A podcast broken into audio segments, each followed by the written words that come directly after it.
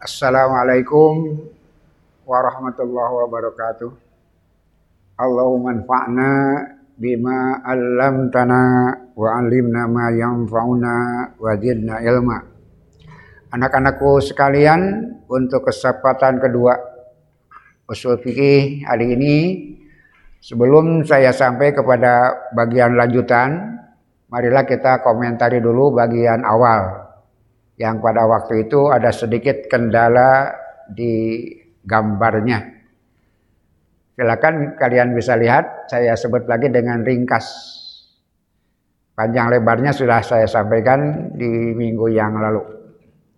As-sunatu yang paling atas as-sunatu, kemudian paling kanan al-qauliyah, kemudian yang tengah al-fi'liyah, kemudian yang kiri at-takririyah.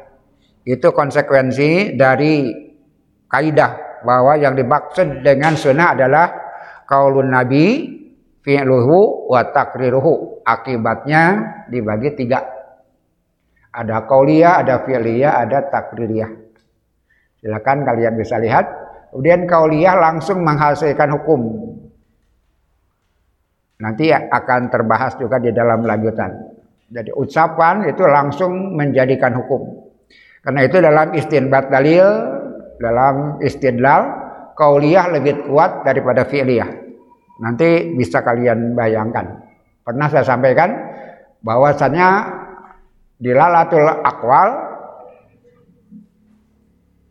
dilalah ucapan lebih sah daripada dilalah fi'liyah. Sebabnya kauliyah dulu langsung menghasilkan wajib bisa lihat mandub, haram, makruh, mubah. Setiap ucapan Nabi mengakibatkan hukum langsung. Berikutnya yang kedua fi'liyah. Fi'liyah tidak langsung tapi dibagi dulu. Kenapa perbuatan Nabi itu jenisnya tiga. Ada kurbah, bisa dilihat. Ada to'ah, ada jibiliyah. Kurbah maksudnya adalah yang langsung dengan kenabian. Kemudian to'ah ikutan. Maksudnya sudah saya sampaikan. Yang dimaksud adalah syariat sebelumnya diadop dilanjutkan dengan regulasi kalau ada kata sekarang. Ada yang dibuang ada dilengkapi. Itu namanya tau'ah kemudian yibiliyah itu berkaitan dengan tabiat kemanusiaan. Kalau Nabi tentu kearaban dan sebagainya. Itu jibiliyah. Setelah dipisah seperti itu baru melahirkan hukum. Kurba ibadah. Yang dimaksud adalah langsung dengan kenabian. Maka ada tiga tentu saja al wajibu wajib kemudian al-mandubu mandub, kemudian ikhtisas. Khusus untuk Nabi saja. Pernah disampaikan salah satu contohnya adalah saum pisau. Itu hanya Nabi saja. Kemudian yang kedua, to'ah. Tadi saya sampaikan adalah hukum syariat yang tidak ada sebelum Rabbi diutus dilanjutkan. Hukum dagang, pernikahan, dan sebagainya. Karena itu banyak orang menyampaikan bahwa to'ah itu muamalah. Fikih muamalah maka melahirkan wajib, mandub, dan ikhtisos. Kemudian apa ikhtisos di dalam to'ah? Nabi beristri lebih dari empat. Itu adalah ikhtisos dalam to'ah. Berikutnya jibiliyah, tabiat kemanusiaan. Pada dasarnya dia tidak wajib karena itu sebutnya goer wajib yang pertamanya, goer wajib.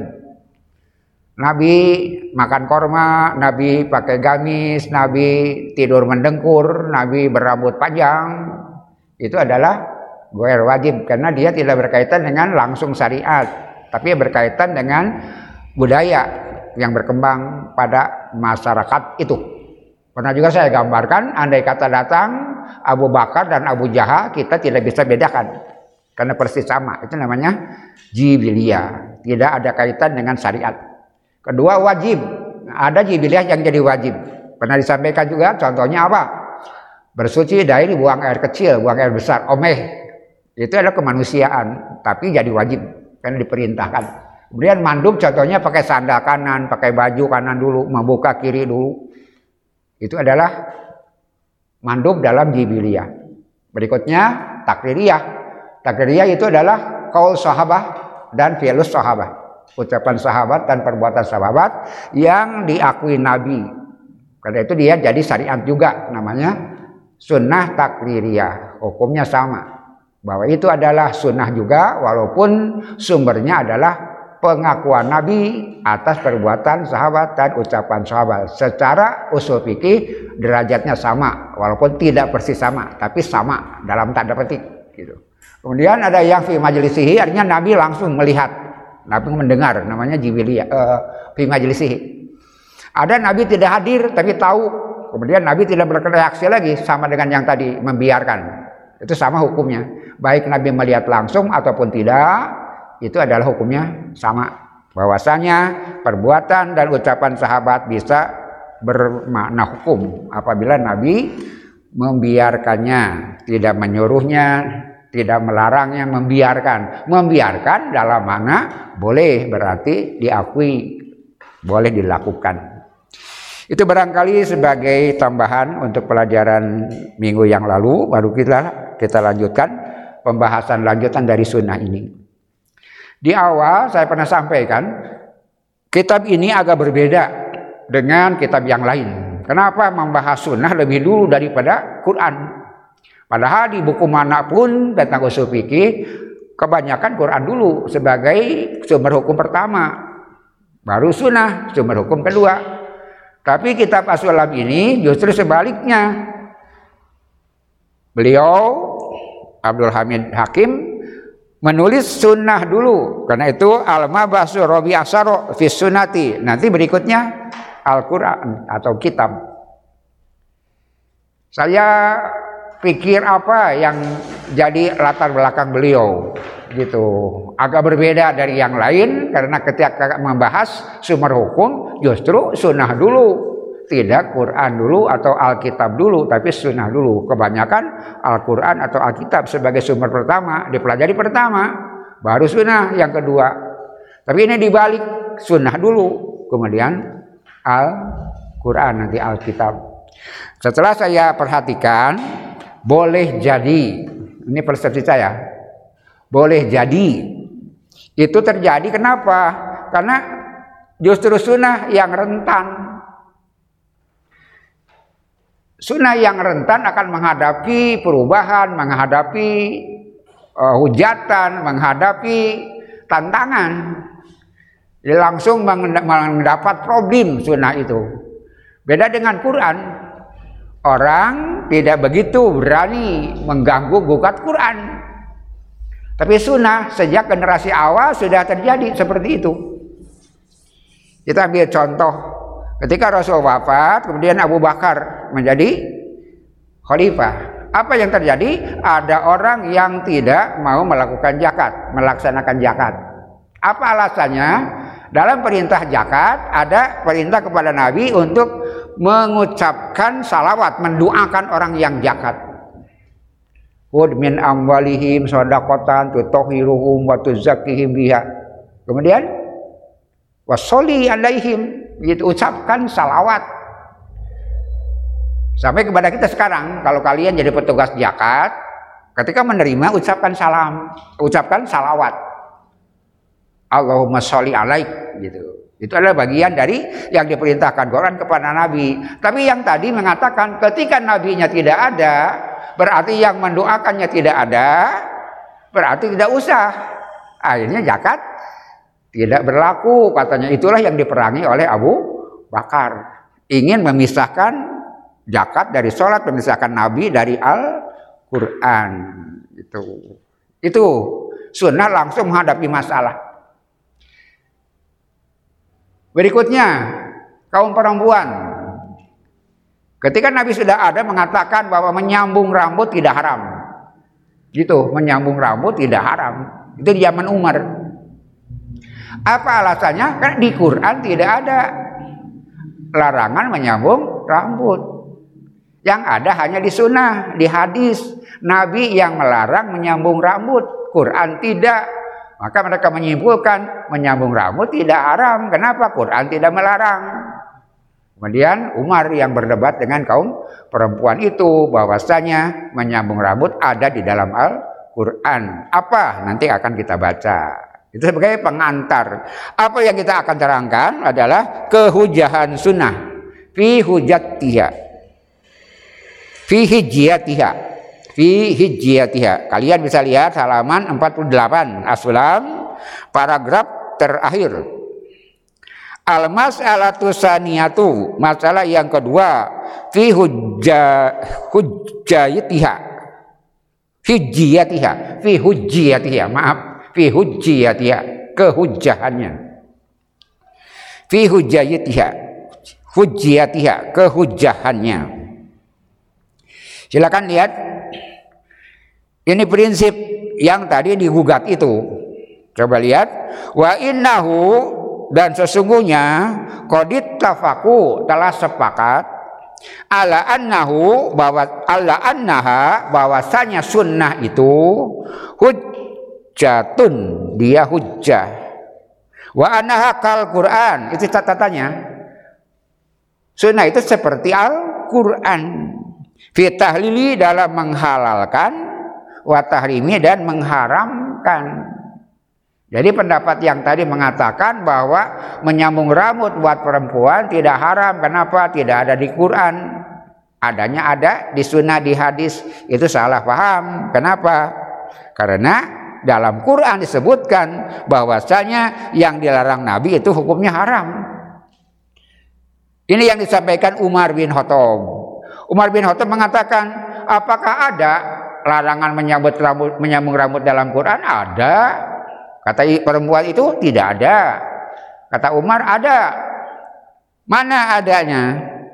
Qala Allah Ta'ala wa ma atakumur rasulu fahuduhu wa ma nahakum anhu fantahu surat Al-Hasr ayat ketujuh wa ma atakumur rasulu dan apa-apa yang Rasul bawakan kepada kalian sampaikan kepada kalian fahudhu ambillah terimalah.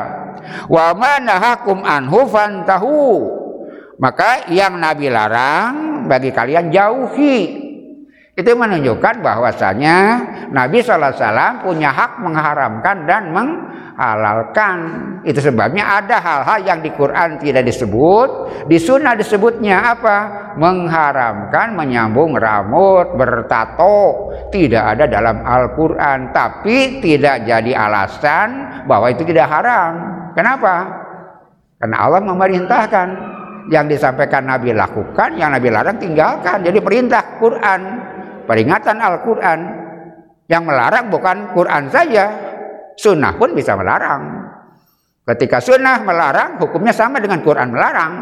Maka dia hukumnya jadi haram. Itulah perdebatan antara wanita yang mengatakan bahwa menyambung rambut tidak haram dengan alasan tidak ada di dalam Al-Quran. Maka kata Umar ada. Mana itu surat Al-Hasr ayat tujuh itu bahwasanya yang dilarang Nabi tinggalkan walaupun Quran tidak melarang.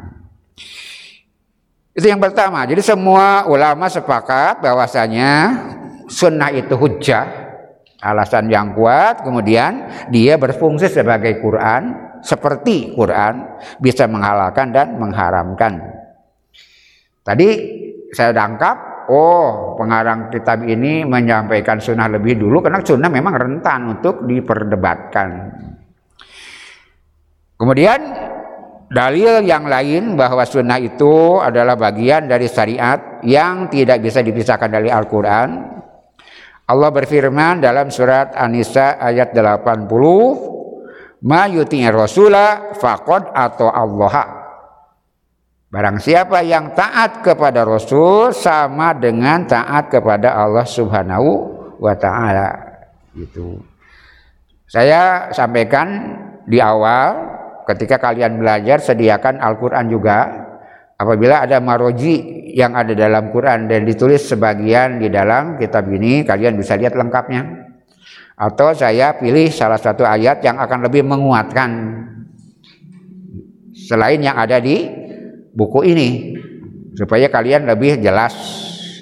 Kalian bisa lihat di surat An-Nisa ayat 59. An-Nisa ayat 59 A'udzubillahi minasyaitonirrajim. Ini ayat populer sering dibaca.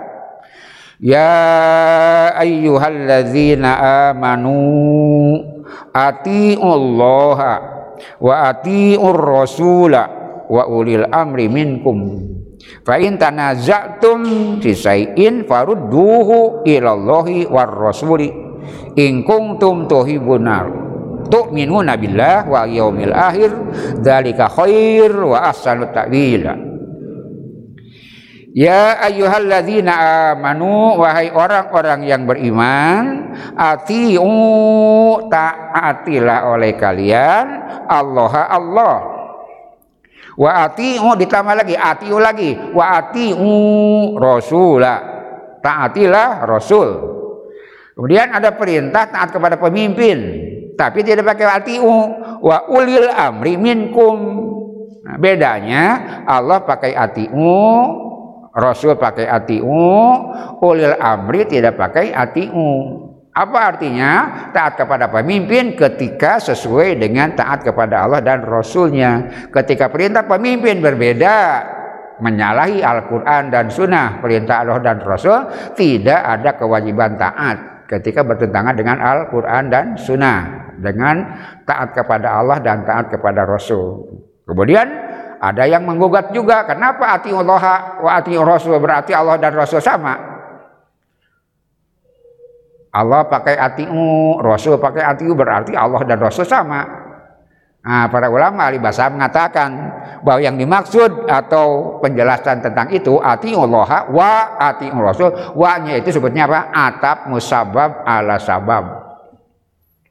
Jadi bukan jumlahan, penjumlahan, bukan. Wa di sana artinya apa? Atpun musabab ala sabab, atap musabab atas sabab.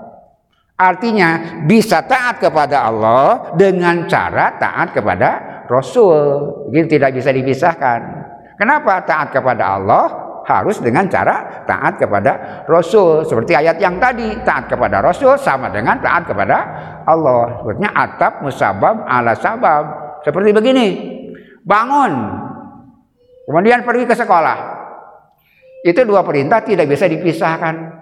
Saya ke sekolah akan pergi tapi tidak akan bangun. Bisa enggak? Bangun, pergi ke sekolah. Dua perintah yang tidak bisa dipisahkan. Saya akan pergi ke sekolah tapi saya tidak akan bangun. Tidak mungkin. Kenapa pergi ke sekolah? Disyaratkan dengan bangun. Nah, seperti itu. Ati Allah wa ati Rasul seperti itu. Taat kepada Allah adalah bagian dari taat kepada Rasul. Taat kepada Rasul bagian taat kepada Allah. Tidak bisa taat kepada Allah tanpa ketaatan kepada Rasulullah Shallallahu Alaihi Wasallam. Itu kehujahan sunnah. Kemudian ditambah dengan hadis Rasulullah SAW mengatakan, silakan paragraf baris terakhir di dalam buku halaman 48 Wa qala Nabiyyu sallallahu alaihi wasallam ala wa inni utitu Qur'ana wa mislahu ma'ahu. Ala ingatlah wa ini sebenarnya aku utitu Al-Qur'an diberikan disampaikan kepada Al-Qur'an wa mislahu ma'ahu dan yang semisal bersamanya. Apa yang dimaksud? Utitu mislahu minas sunnati alati lam yuktik bihal Quran yang tidak disebut oleh Al Quran apa? Taat kepada sunnah Rasulullah Shallallahu Alaihi Wasallam. Itu adalah konsekuensi taat kepada Allah Subhanahu Wa Taala. Maka kembali lagi kepada pembahasan kita bahwa sunnah itu adalah hukum yang tidak bisa dipisahkan dengan taat kepada Al-Quran Artinya Quran dan Sunnah, Quran memang nomor satu, Sunnah nomor dua, tapi sesuatu yang tidak bisa dipisahkan. Tidak bisa taat kepada Allah tanpa taat kepada Rasul. Tadi saya sampaikan, ada orang menggugat juga. Saya akan ikut sunnah saja, aku ikut Quran saja. Saya tidak pakai sunnah. Itu ada, namanya inkaru sunnah.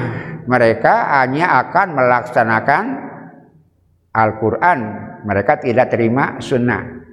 Itu pendapat yang keliru. Kenapa? Justru Quran memerintahkan untuk ikut dan melaksanakan sunnah. Tadi dalilnya sudah disampaikan. Quran justru yang menyuruh untuk mengikuti sunnah Rasulullah Shallallahu Alaihi Wasallam. Taat kepada Allah dengan taat kepada Rasul tidak bisa dipisah-pisahkan. Tapi sekarang ada orang yang hanya taat kepada Quran saja, mereka tidak terima sunnah. Itu susah dilaksanakan. Kenapa? Tadi Quran dan sunnah tidak bisa dipisahkan. Nanti akan bisa bisa lihat secara teknis seperti apa. Ketidakmungkinan orang taat kepada Quran tanpa taat kepada sunnah. Sederhananya saja, Quran memerintahkan sholat. Bisakah kita sholat tanpa membaca sunnah? Tidak mungkin. Bagaimana kita bisa sholat? Yang di Quran perintahnya global. Kalau tidak ada sunnah yang merincinya. Itu sebabnya tidak mungkin. Apalagi nanti zakat, kemudian ibadah haji, dan ibadah-ibadah yang disampaikan di dalam Al-Quran secara global, secara ijmal, kemudian nanti sunnah yang menjelaskannya. Jadi tidak masuk akal ketika orang mengatakan saya akan menerima Quran, saya tidak akan menerima sunnah. Itu tidak mungkin terjadi. Itu adalah mustahil, tidak bisa dilaksanakan. Kemudian sekarang akan saya tulis sesuatu yang tidak ada di dalam uh, buku kalian sebagai peluasan dari yang kita sampaikan konsekuensi atau risiko dari setelah yang kita bahas nanti. Apa fungsi sunnah itu? Saya akan tulis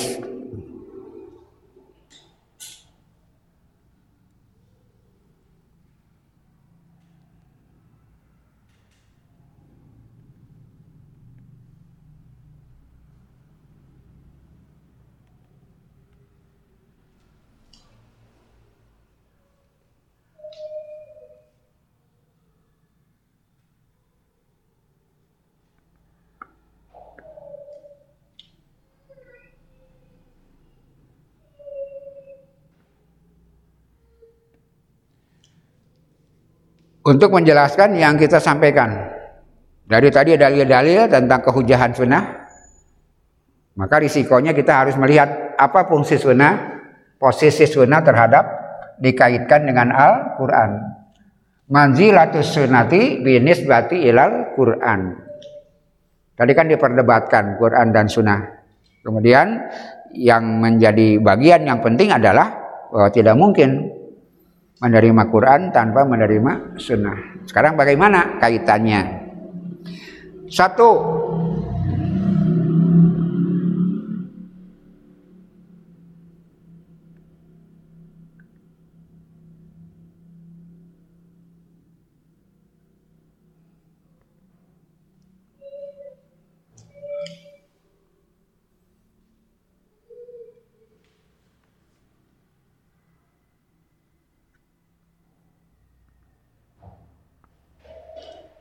Sunnah itu muakkidah lil Quran.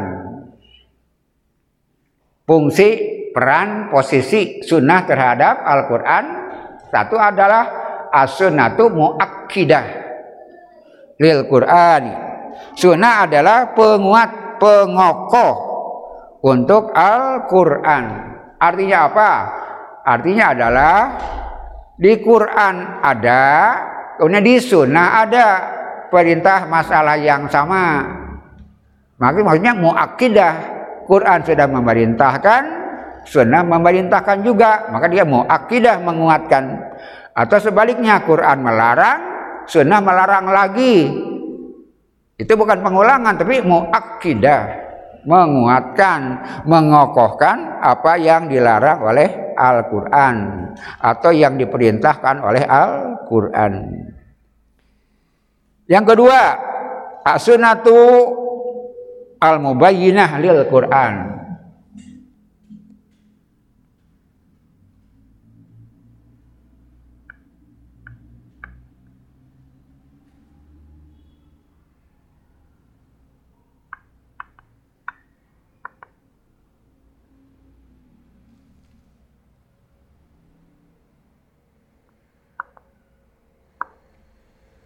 Sunnah itu mubayyinah, penjelas bagi yang ada di dalam Al-Qur'an. As-sunnatu mubayyinah lil Qur'an. Bisa dibagi tiga jenisnya. Apa yang pertama? tubayinul mujmal sunnah tubayinul mujmal sunnah itu menjadi bayan bagi yang mujmal contohnya aki musolata tadi kita sampaikan wa atuz zakata wa uh, haji wa saum semua perintahnya global. Musnah maka Quran diterangkan oleh sunnah Rasulullah Sallallahu Alaihi Wasallam. Bagaimana sholat itu, bagaimana saum itu, bagaimana zakat itu, bagaimana haji itu. Maka di Quran hanya global saja, maka fungsi sunnah untuk menjelaskan hal itu. Jadi tubayinu al mujmala membayan memberi bayan kepada yang mujma di dalam Al-Qur'an. Yang kedua, tuhasisu amal Quran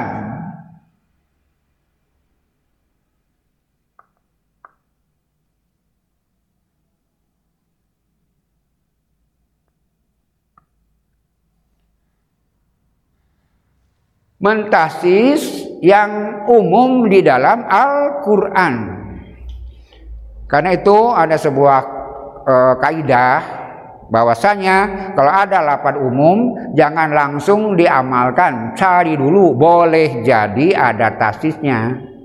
Nah tasisnya bisa di Quran bisa di sunnah. Kenapa fungsi sunnah? Salah satunya adalah mentasis yang ada di dalam Al-Quran.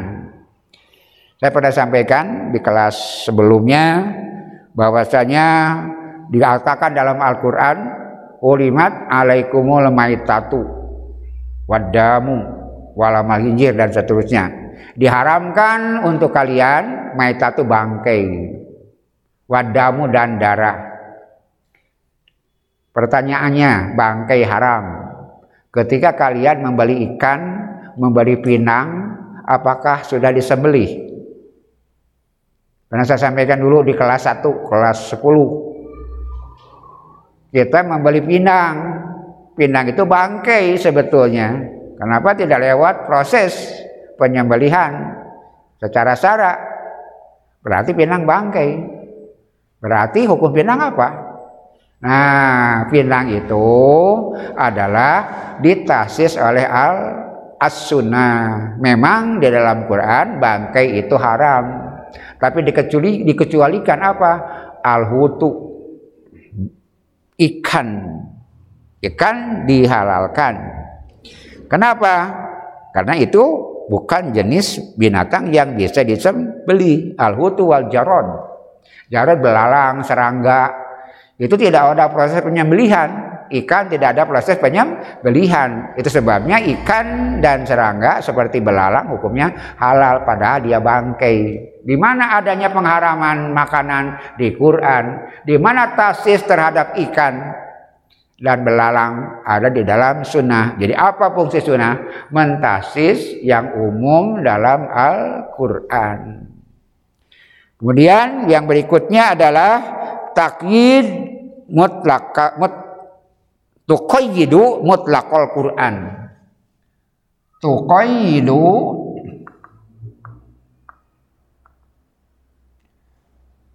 mutlaqal Quran. Mentakyid, mengikat, membatasi yang mutlak dalam Al-Quran. Dalam Al-Quran ada perintah yang mutlak, kemudian di dalam sunnah mentakyidnya, mengikatnya, membatasinya. Contohnya apa? Dalam Quran disampaikan asariku wasarikotu fakto'u aidihima Pencuri laki-laki atau pencuri perempuan, potonglah tangan mereka. Potonglah tangan mereka. Itu sebabnya tidak bisa kita menggunakan Quran tanpa sunnah. Bagaimana mengamalkan hukuman potong tangan? Sampai lengan. Nah, itu namanya mutlak. Kemudian nanti akan ditakin oleh sunnah. Oleh hadis ternyata Nabi menjelaskan yang dimaksud potong tangan adalah sampai pergelangan. Bukan sampai lengan. Itu adalah sunnah tuqayyidu mutlaqal Quran. Mentakin yang ada di dalam Al-Quran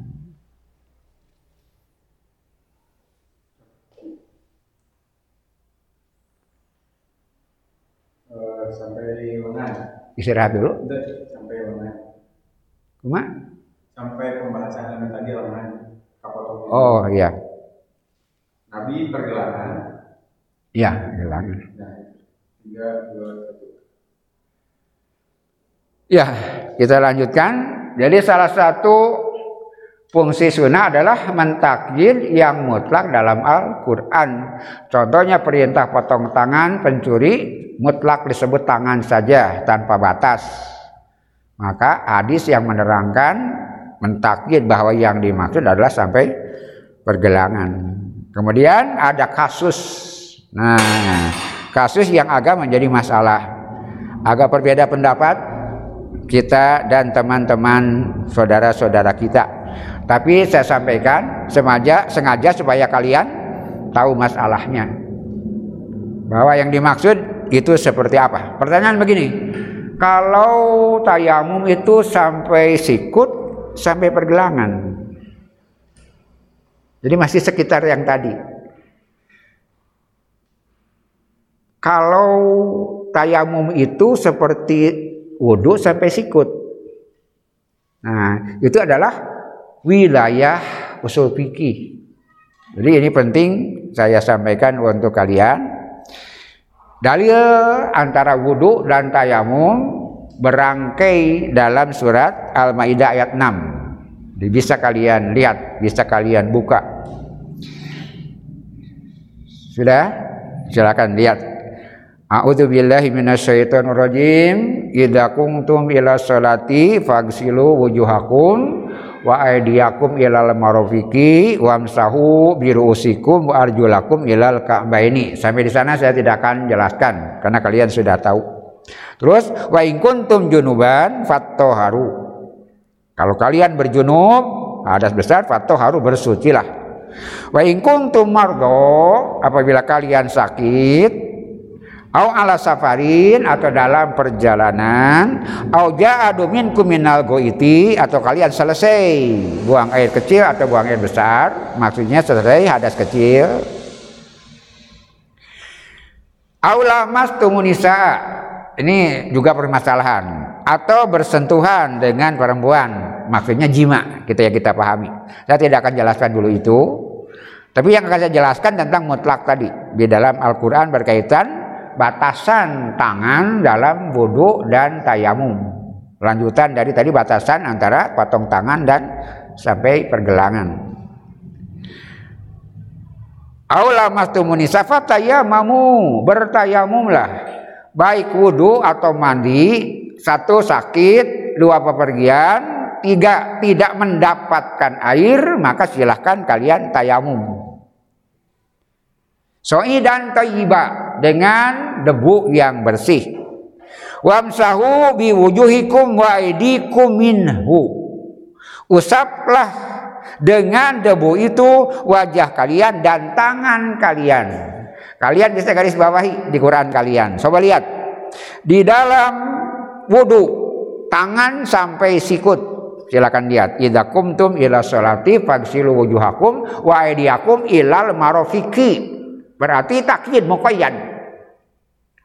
Kemudian di dalam tayamum famsahu bi wujuhikum wa aidikum minhu mutlak tidak disebut batasnya. Nah, karena itu ada sebagian saudara-saudara kita memakai konsep hamlul mutlaki alal muqayyadi wajibun. Apabila ada lapan mutlak dan lapan mukoyad bersamaan datangnya maka yang mutlak harus dianggap mukoyad satu ayat mutlak di ayat lain mukoyad atau bersatu maka yang mutlak harus dibawa ke mukoyad karena itu ketika menyebut wudhu sampai sikut ketika ketika menyebut tayamum tangan tidak disebut Berarti sampai sikut sama hamlul mutlaki alal muqayyadi wajibun. Padahal konsep pendekatannya bukan itu. Kenapa? Wudhu dan tayamum berbeda. Sama-sama al aslu. Sama-sama perintah untuk bersuci tapi dalam kondisi yang berbeda. Itu sebabnya tidak bisa memberi batas tayamum dengan batas wudhu itu menurut pendapat kita. Jadi apa konsep yang ber, yang terjadi itu adalah yang pertama bukan takid tapi tubayinul mujmal. Sunnah menjelaskan yang mujmal di dalam Al-Quran. Apa? Tangan di dalam Quran tentang tayamum itu mujmal. Tidak ada penjelasan. Sampai apa? Bagaimana mencari penjelasannya? Carilah dalam sunnah. Maka kita mendapatkan bahwa Rasulullah SAW ketika bertayamum, beliau menggambarkan yang diterangkan para sahabat wador roba bi kafaihi. Nah, bukan yad kafaihi. Kalau kaf itu sampai pergelangan bi kafaihi. Wa masa simala ala yamin wa dohiro kafaihi. Kafaihi. Itu kemudian wa wajhahu dan wajahnya. Jadi konsep tayamum bukan konsep hamlul mutlak alal muqayyad konsep tayamum itu terpisah dia harus dijelaskan oleh sunnah di Quran digambarkan secara majmal maka penjelasannya bayanya ada di dalam Sunnah itu sebabnya menurut pendapat kita tayamum itu sampai pergelangan. Dasarnya apa? Itu yang diamalkan Rasulullah SAW. Kenapa sunnah fungsinya tubayinul mujmala gitu. Dianggap sampai tangan pada tayamum itu mujmal. Ini bayan bukan konsep ini. Kalau konsep mutlak dan mukoyat itu konsepnya pemikirannya wudhu mukoyat, tayamum mutlak. Maka yang mutlak dibawa ke tayamum. Yang mutlak dibawa ke mukoyat. Tayamum dibawa ke wudhu.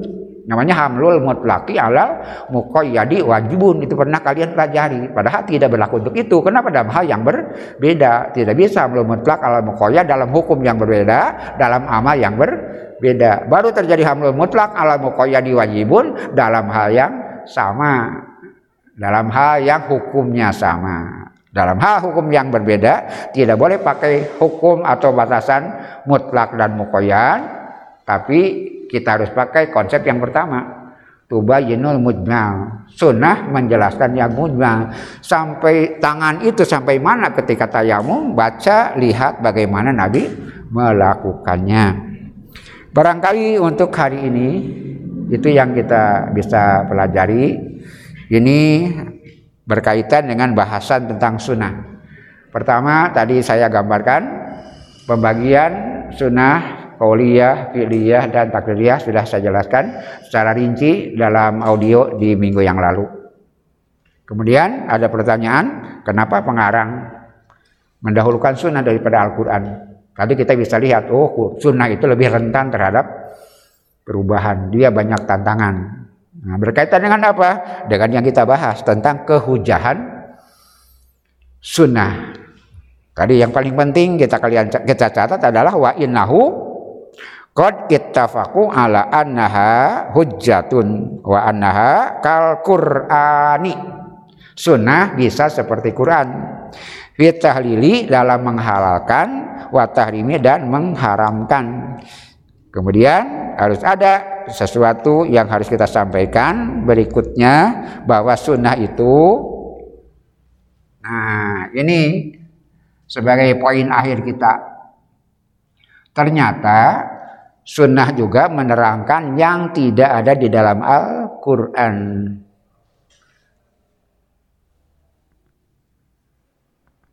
di terakhir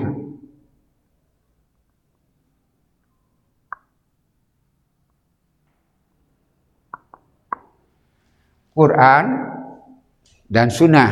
Sudah disampaikan konsep awan suri tadi. Tapi ternyata ada hukum-hukum yang tidak ada di dalam Al-Quran untuk menjelaskan bahwa Quran dan sunnah sama dalam hal menghalalkan dan mengharamkan. Apa contohnya yang ada di sunnah saja? Akikah tidak ada di dalam Quran. Atau apalagi memulasara jenazah tidak ada di dalam Quran, adanya di dalam sunnah. Maka itu jenis yang ketiga. Tapi bihukmin jadi di sunnah menyampaikan hukum yang baru yang tidak ada di dalam Al-Quran. Kembali lagi ke awal masalah bahwa kita tidak bisa memisahkan Al-Quran dengan Sunnah. Kenapa? Karena dia sebab akibat. Ketika ingin melaksanakan Quran mesti dengan pendekatan dan bantuan sunnah. Kenapa? Memang Rasul diutus litubayina untuk menjelaskan. Tidak mungkin kita menolak sunnah dan menerima Quran. Itu konsep yang tidak bisa diterima dan tidak akan bisa dilaksanakan. Bagaimana mungkin orang bisa melakukan sesuatu yang mujma dalam Al-Quran kalau tidak menggunakan pendekatan, penjelasan dari Rasulullah alias sunnah. Karena memang beliau diutus untuk hal itu. Demikian yang dapat saya sampaikan. Mudah-mudahan bisa jelas dan kalian bisa mengikuti dengan baik. Kemudian apabila ada pertanyaan bisa lewat media yang lain dengan perantaraan para wali kelas silakan sampaikan mudah-mudahan bisa uh, dijelaskan lebih rinci lagi selama kita belum bisa tatap muka barangkali kalau ada masalah kita cari jalan keluar dengan cara yang lain untuk menjelaskan. Demikian terima kasih. Rabbana atina fid dunya hasanah wa fil akhirati hasanah wa qina adzabannar aku qouli hadza wa lakum. Wassalamualaikum warahmatullahi wabarakatuh.